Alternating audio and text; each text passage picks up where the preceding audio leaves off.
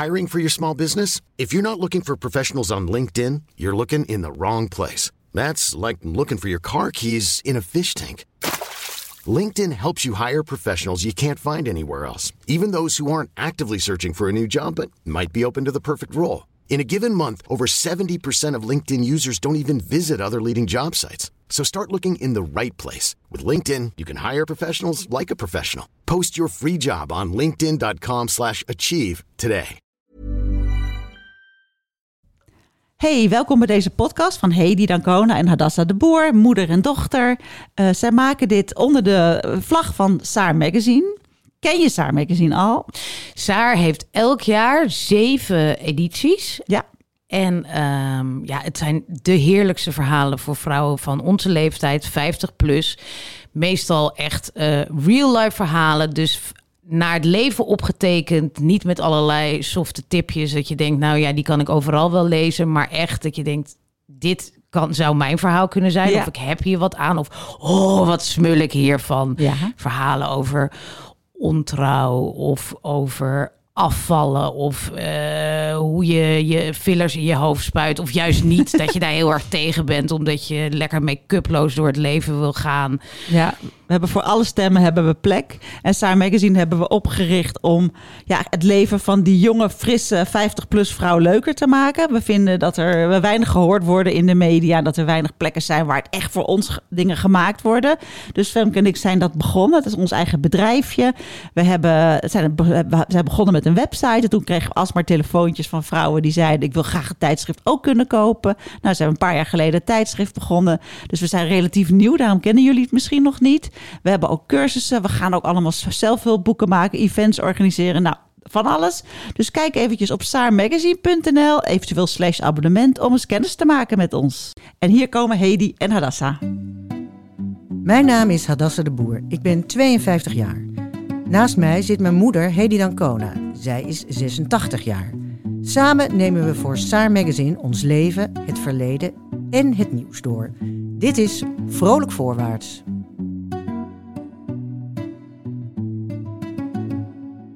Ja, ma, daar zitten we weer. Tweede keer. En ik uh, hoorde van luisteraars dat ze iets, uh, iets duidelijker een aankondiging wilden van uh, de onderwerpen die we gaan behandelen. Dus bij deze. We gaan het hebben over laten liefde. En in de rubriek Vroegingen Nu nemen we de anticonceptie onder de loep.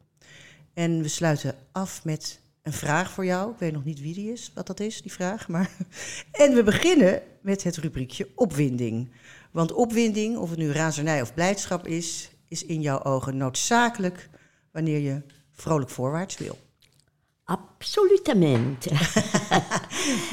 nou, borst los. Wat was jouw opwinding nou, de afgelopen opwinding, week? maar um, ik um, hoorde dat Trump voor het eerst ongerust werd bij uh, niet alleen de populariteit van Taylor Swift, maar uh, dat zij zich uitsprak uh, voor de Democraten. En zij kreeg dus voor de vierde keer een Grammy achter elkaar. Dat is wat niemand nog gelukt is. Echt beroemde mannen um, drie keer, maar zij vier keer. En hij voelde zich bedreigd voor het eerst. Dat is een onzinnige reden natuurlijk, maar het deed mij goed. Heel goed. En verder? Oh ja, en verder. Ja, dat uh, was een beetje aan de andere kant. Toen voelde ik me weer uh, uh, echt verontwaardigd dat Jan van Zanen, burgemeester van Den Haag, zich uitsprak over de ongewenste demonstraties in zijn gemeente en op zijn, kennelijk zijn Rijksweg. Um, en toen had hij het met name over het schandalige dat uh, kinderen en oudere mensen, hier spreekt een 86-jarige, ik zal het maar even verrassen, zijn we daar vanaf, um, gebruikt werden om um, de afschuw die zich zou voordoen als die van de straat gespoten zouden worden door de politie, dat dat dan een soort PR-truc van uh, de, uh, de rebellions zou zijn. Nou, ik was dus razend daarom. Alsof kinderen niet het recht hebben om te demonstreren tegen de schandalige stilstand die er eigenlijk zit in ons klimaatbeleid en voor hun eigen toekomst. Dat zou niet gek zijn. Zeker als je rekent dat dat ook om kinderen gaat van 12 jaar en ouder.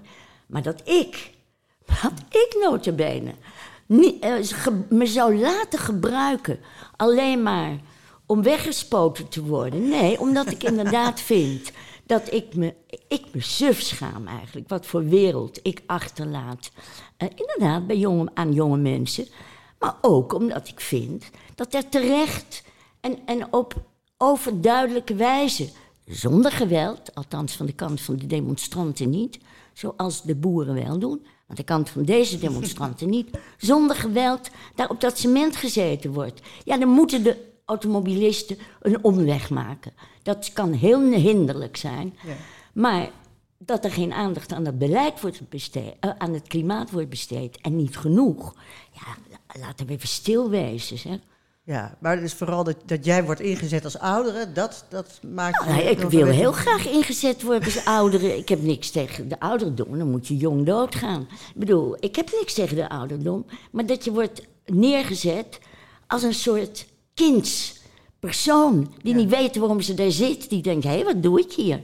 En, en dan eh, voor straf nog weggespoten ook, met de oude kromme beentjes eh, moet maken dat ze wegkomt. Ik vind dat schandalig van die Van Zanen. Ah, En die man is toch zelf wel vrij oud? 62. 62, nou, dat is Ziet natuurlijk nog wel vrij uit jong. Maar. Hij ziet er ouder uit. Eh, maar dit terzijde. Ja, maar dat maakte me dus woest. Ja. Het andere maakte me een beetje van suffige eh, vrolijkheid. Dat Trump zich bedreigd voelde door die vrouw. Ik had natuurlijk ook opwinding, of, maar ehm, ja. En de luisteraars zijn het onderwerp waarschijnlijk al beu, maar eh, ja, het had toch te maken met de ontwikkelingen bij de publieke omroep en RTL, naar aanleiding van het rapport van Rijn. Komt ook omdat ik best lang voor de NPO heb gewerkt, maar dan wil ik toch even de bal terugkaatsen, want dat weten de luisteraars misschien niet, maar jij hebt ook bij de televisie gewerkt aan het begin van jouw loopbaan. Ik was vooral nieuwsgierig naar hoe een van jouw banen in Hilversum eindigde. Oh ja. ja, dat is, nou ja, dat is wel weer een beetje zoals het nu is. Dan zijn we weer eh, bij, in het heden. Ik, eh, ik werd ook toen, toen ik dat vrouwenprogramma produceerde, werd ik ook gevraagd om een programma te presenteren. Ja. En eh, dat deed ik dus. Met en een dat, hele keurige hoge stem. Ja, met Ja. een hele. Maar iedereen praatte zo netjes en zo keurig. Eh, ik dus ook. Ehm, kijkers, nou, hier komt ons consumentenprogramma. Ehm, nou, in ieder geval, eh, dat, dat werd, eh, werd geproduceerd. eh, produceren, regisseren viel toen ook een beetje samen. Door een man die ik heel onaantrekkelijk vond. En een lange, slome man die thuis een gezin had met drie kleine kinderen. En ehm, ik had ook een relatie, nog geen kinderen. En uit het niets kreeg ik toen een brief van die man. Ik bedoel echt uit het niets, een brief. Dat hij het leven verder met mij wilde delen. Ehm, dat eh, hij zo verschrikkelijk eh, van mij hield. En zelfs, dat vond ik ook nog zo interessant. Als ik onder de tram zou komen en mijn benen er afgereden zou worden, dat hij dan nog van mij zou houden. Misschien nog meer, want toen kon ik toch machteloos overgeleverd. Ik, ik zit met walging naar die brief. Ik dacht, wat krijgen we nou? Eh, eh, dat, dat kan toch niet? Ik heb er ook nooit iets van gemerkt, van die aanbidding. Maar in ieder geval, geen enkele reden eh, om... nou, anyway, de vrouw. Hij had het ook al aan zijn vrouw meegedeeld. En die was dus naar eh, een van de directeuren van de VARA gestapt... om te zeggen, nou, mijn man is totaal gek geworden in dat wijf... en, eh, en ik ben hier met drie kinderen. Dus ik werd bij die man geroepen... En ik zei, ja, je zegt, kom on, ik weet van niks. Maar directeur- toen, zei die- de directeur die van VARA, de ja. VARA, ik weet van niks. Bij die, en toen zei hij, nee, dat begrijp je. Hij geloofde hem ook. Het was een aardige man. Hij geloofde hem ook wel. Maar hij zei, het kan niet langer. Eh, je moet helaas afscheid nemen van dit programma. Ja. En, dat, en ik zei niet eens stampvoetend, ben je nou helemaal van de pot gerukt? Helemaal niet. Ik vond, ja, dat zat niks anders op. Dat is dus anders dan wat... Maar in zijn vorm heeft het toch iets van, luister eens... ehm, jij gaat en, je, en, en er, het Ja. is niet anders. Nou ja, ik, daar, daar moest ik dus ook over nadenken. En eh, vorige week toen hadden we het over het uh, akkefietje in de archiefkast... Waar, waarbij jij door een man werd besprongen en die man vooral zielig vond. En ik reageerde toen misschien nog enigszins verbaasd. Maar pas later bedacht ik me dat ik zelf ook wel eens zo gereageerd heb. En uh, daar was jij notabene, nou ja, niet direct bij, maar wel in de buurt... Toen uh, presenteerde ik ook nog programma's en ik had iets een groot cultureel evenement gepresenteerd. En natuurlijk was er ook een, een, een hoofd van die afdeling bij de NPO die daar ook bij aanwezig Mhm, was. Ja. Jij was ook bij dat culturele evenement en toen was na de televisieuitzending was er een borrel. En wij stonden nog even een beetje na te praten. En ik vond dat een hele aardige man. Jij kende die man ook, vond je ook een aardige man. En out of the blue pakt hij mijn hand en begint opeens op mijn vinger te zuigen. En ik was gewoon verbijsterd. Ik stond ook een beetje hulpeloos met die, met die vinger in zijn mond. Maar wist echt van- niet wat ik, wat ik uit moest brengen. Maar ja, ik was sprakeloos. Maar ik vond het ook zielig en een beetje geschift. En ik dacht ook, als ik hier nu dit aan mensen ga, ga vertellen op de afdeling... Ja, dat, ik, ik vond dat dus, dat vond ik zielig. Toen heb ik het alleen aan jou verteld. En sindsdien hebben wij deze meneer altijd de vingerzuiger genoemd. En nooit Ja. meer bij zijn voornaam. Ja. Maar ik, ik, ik was dat dus al vergeten. En ik vond het, het is misschien ook hoe wij vaak reageren. En toen, want ik ga, dit verhaal gaat ergens naartoe. Ja. Want ik zag namelijk zaterdag een column in de krant, in Ja. NRC, van Floor Rusman. En eh, daar eh, schrijft zij in, eh, dat, daar refereert zij aan een boek, The Problem with Everything, van een Amerikaanse schrijfster Megan Dawn. Die schrijfster komt uit 1970, is van de generatie X, net als ik. En zij schrijft dat eh, onze ide- identiteit in de jaren 80 gevormd was rond toughness. Kwetsbaarheid was niet cool in de jaren 80. En dan zegt ze... Oh, toughness is ehm Stoerheid, flink zijn, flinkheid. Stoer, stoer. Vrouwen vonden dat jongere feministen eh, weerbaarder moesten zijn. Lach die mannen uit, geef ze een knietje, dien ze van repliek, maar geef ze geen macht over jou. Terwijl de reactie van de jonge feministen nu is: waarom moet ik van alles doen? Kunnen die mannen zich niet gewoon gedragen? Nou ja, ik, ik vond het eigenlijk wel een eye-opener aan één kant. Want ik dacht, ja, ik, ik had ook altijd iets van, ik ben one of the guys, weet je wel. En ik, ik lach ze uit. En eh, nu denk ik, ja, hmm, heb ik misschien niet hiermee ook een beetje een systeem in stand gehouden? Ja, maar we- ja, eh, ik bedoel, dat is even, even achterlijk eigenlijk. Dat wij altijd eh, het slachtofferschap of de schuld... had ik toen niet anders moeten doen. Ja, come on. Zij moeten anders doen. Zij Ja. moeten zich gedragen. En wij moeten ons niet afvragen. Kijk, ik vraag natuurlijk ook af... waarom liet ik me met, met een kluit in het riet sturen... en kreeg ik niet eens vergoeding... eh, voor de uitzendingen die ik dus ook miste qua centen. Niks. Dat vond, vond ik wel stom, achteraf. Maar ja, ik bleef er ook niet zo bij hangen. Maar ik vind het jezelf afvragen.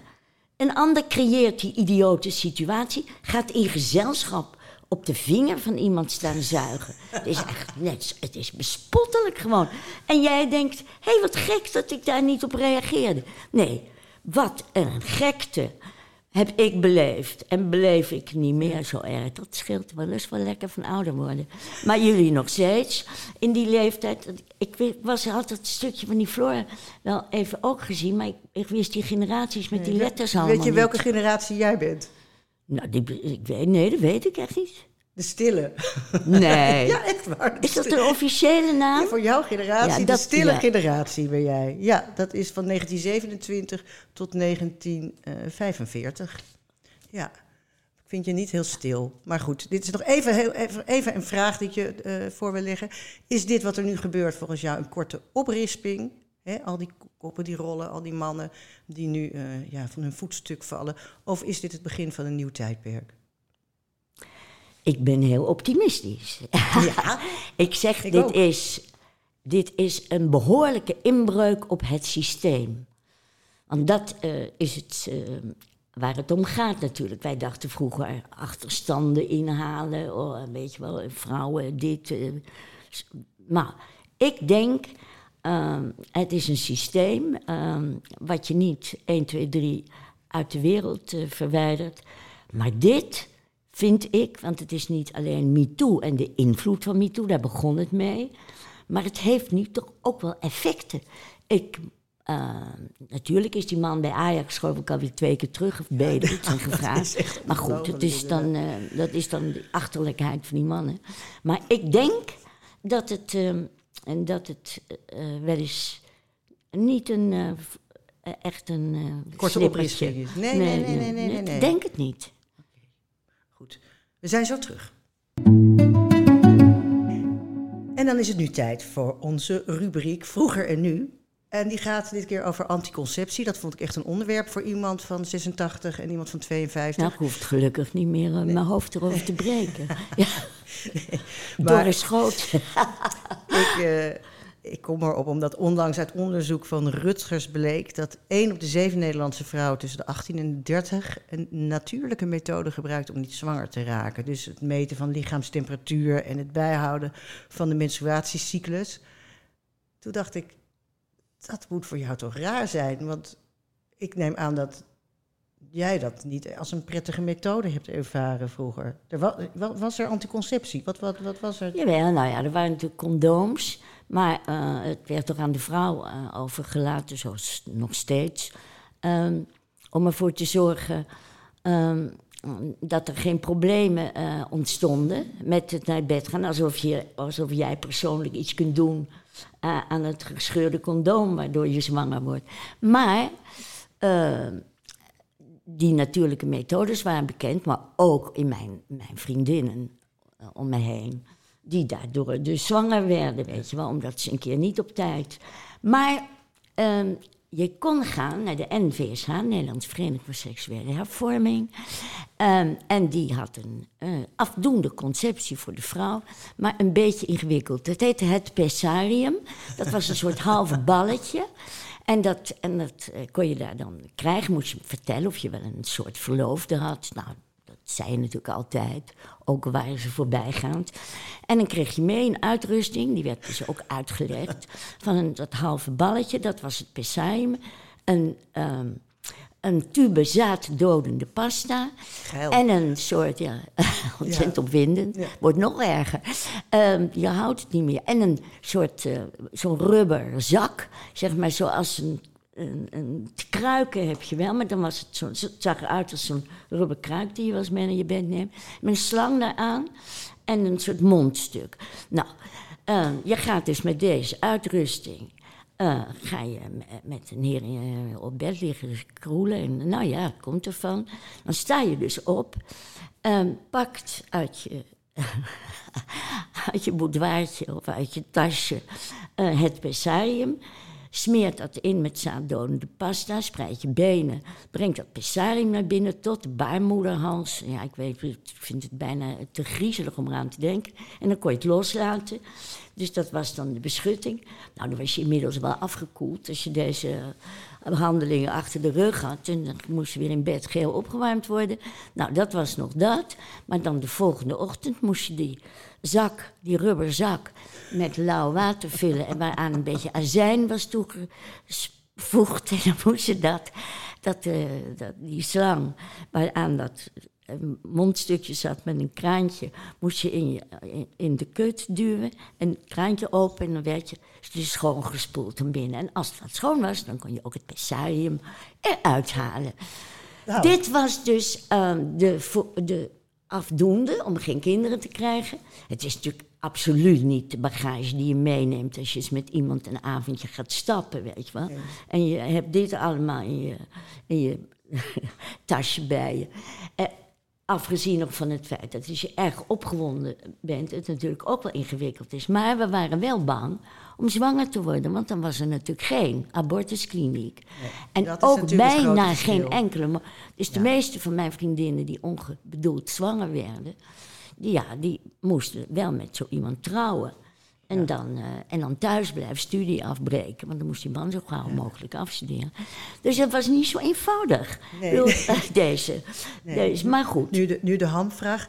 Ben ik een ongelukje? Was ik- Nee, je bent geen ongelukje. Eh, nee, je bent geen ongelukje. maar ook nou. niet. Nee, nee, maar kijk, je kan natuurlijk echt eh, Ja. gaan uit zitten rekenen wanneer je wel erg vruchtbaar bent.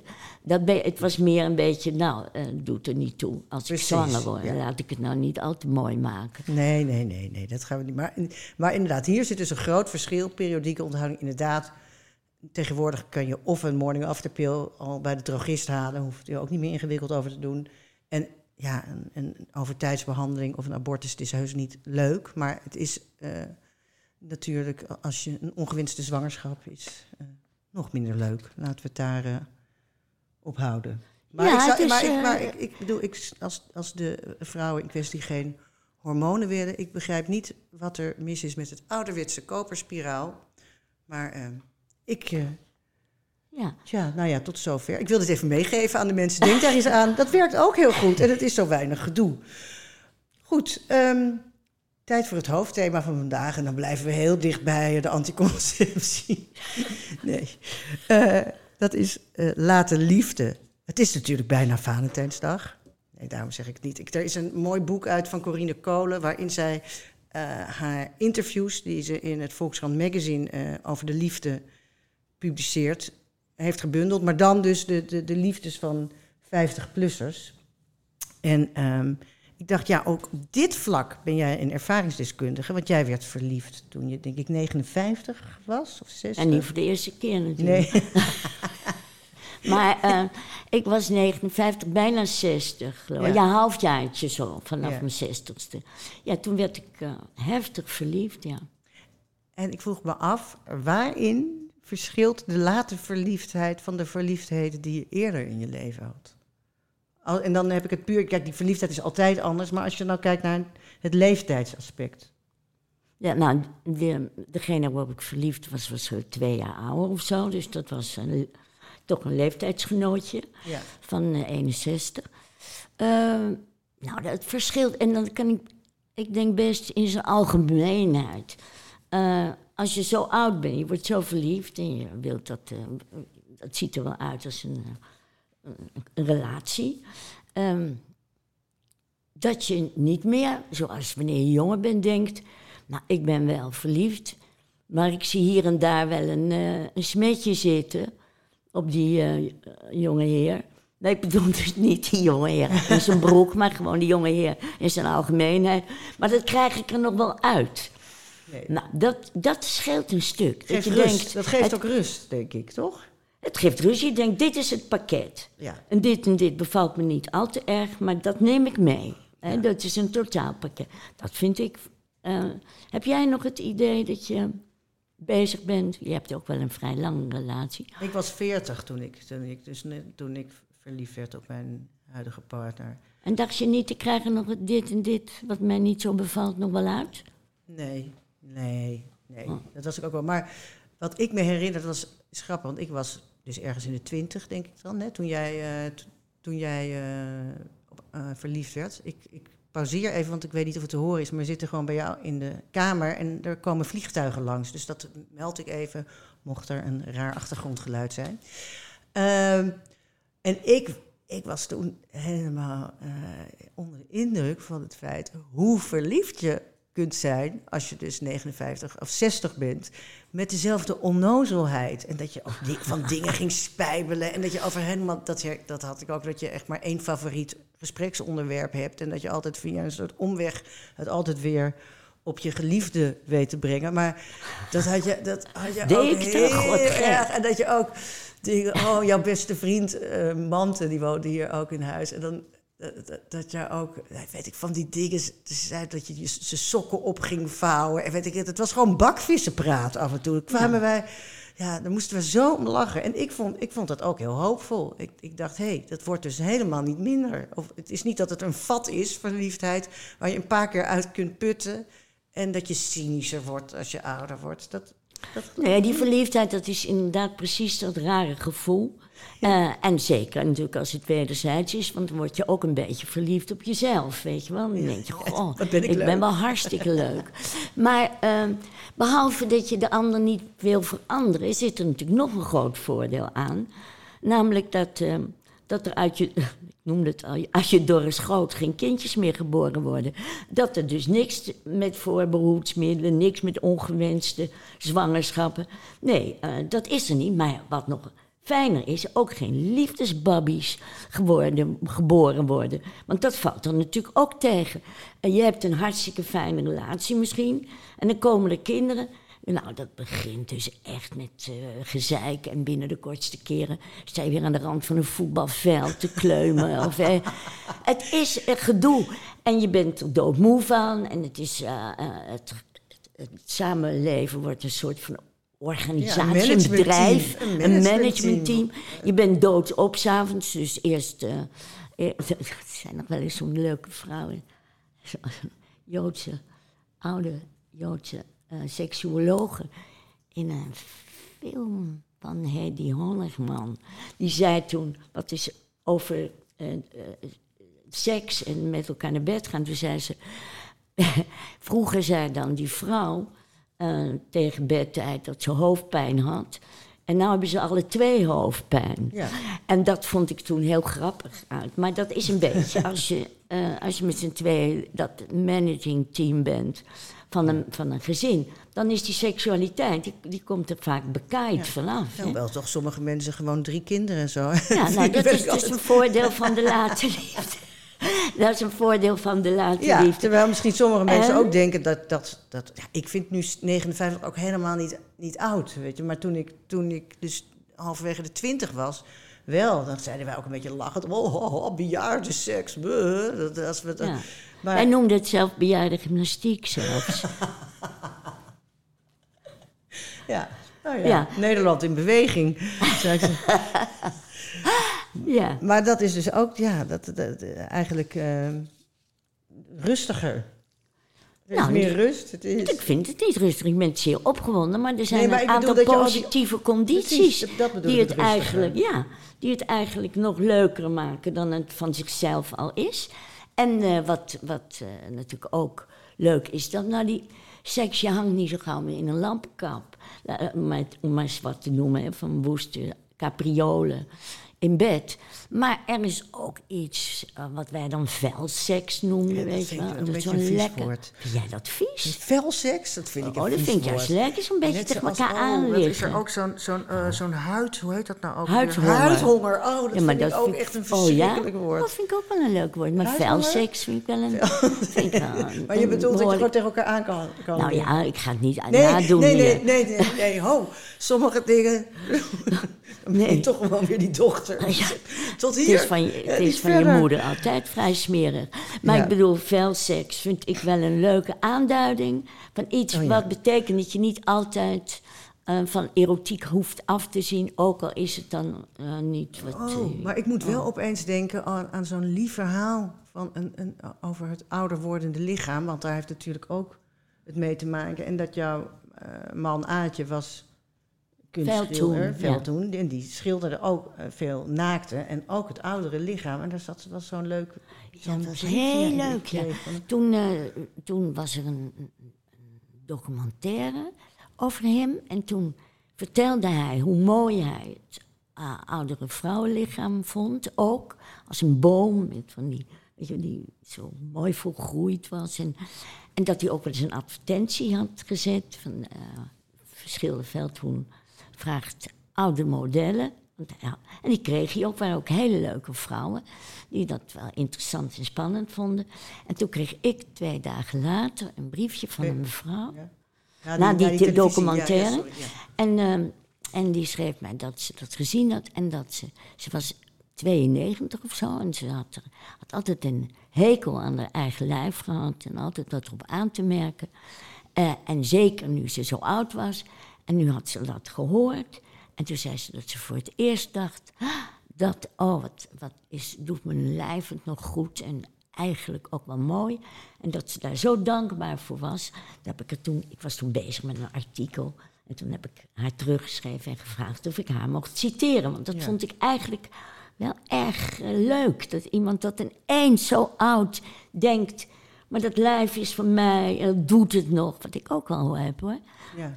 Uh, want als je, als je 40 bent of 50, vind je doodgewoon dat alles het nog doet. En dat als er een, uh, uh, een wat ik, wat, een snoepje op de grond valt of, een, of iets anders, dat je dan hup het oppakt. Terwijl nu vind je dat je eigenlijk eh, hou je meer van, een, van je lichaam en waardeer je het meer dan wanneer je jonger bent. Maar de- dat, was, eh, dat is de late liefde. Komt dat ook tot uiting in het boek van. eh, Ja, want Van kolen. de- de- zeker, want de ondertitel is ook hoe onverwacht opwindend het leven boven de 50 is. En ik denk onverwacht. Ik denk dat, het, dat, dat veel mensen daar een ander beeld van hebben. En ik weet het van jou. Toevallig is mijn schoonmoeder van 79 ook een, een paar maanden geleden heel erg verliefd geworden. En eh dat is heel leuk om te zien. Dus eh, onverwacht en hoopvol. En ook in het hè, vrolijk. Vrolijk voorbeeld. Ja, vrolijk vooruitzicht. Vrolijk vooruitzicht, ja. Eh, we hebben een vraag binnengekregen. Er staat, de, de, de podcast heet Vrolijk Voorwaarts. Maar als je kijkt naar de verkiezingsuitslag en naar de toestand in de wereld... is het dan niet moeilijk om vrolijk te blijven? Jawel, dat als je naar de toestand in de wereld kijkt, ehm, dan ehm, kan je natuurlijk ook met je hoofd eh, onder de dekens gaan liggen en denken: eh, ik wil hier niets mee te maken hebben. Wat een ellende. Eh, ik kijk niet meer naar nieuws, denk je. Ik kan het niet meer aan. Maar, ehm, kijk, het is natuurlijk ehm, wel vaker geweest. En ik ben ook een optimist. Dus ik denk altijd, het zal uiteindelijk misschien toch ehm, wel beter worden.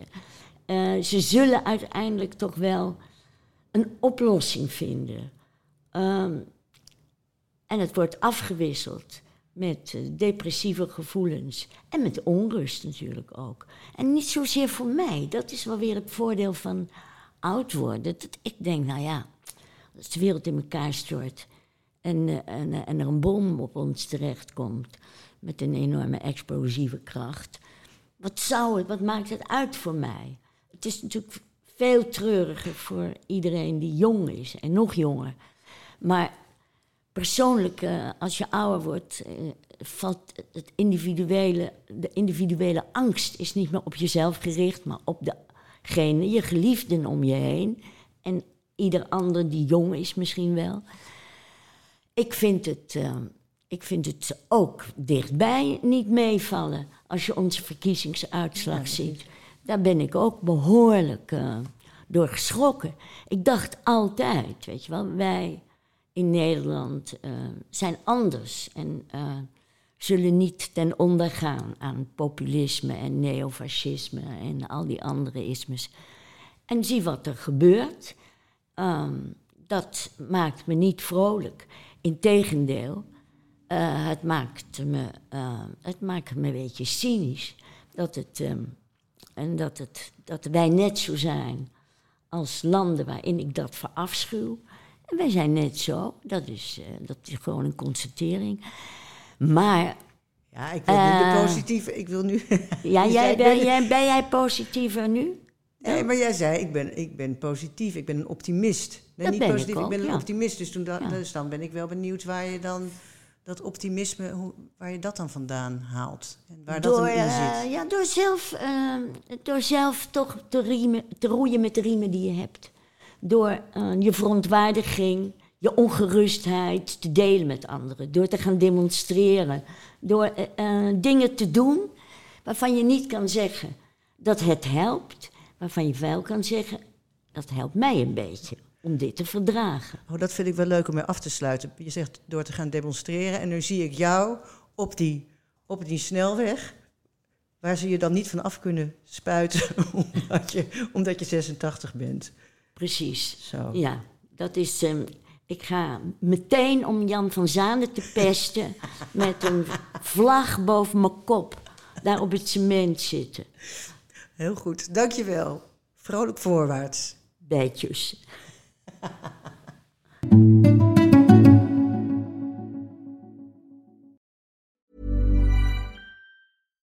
Hi, I'm Daniel, founder of Pretty Litter. Cats and cat owners deserve better than any old fashioned litter. That's why I teamed up with scientists and veterinarians to create Pretty Litter. Its innovative crystal formula has superior odor control and weighs up to 80% less than clay litter. Pretty Litter even monitors health by changing colors to help detect early signs of potential illness. It's the world's smartest kitty litter.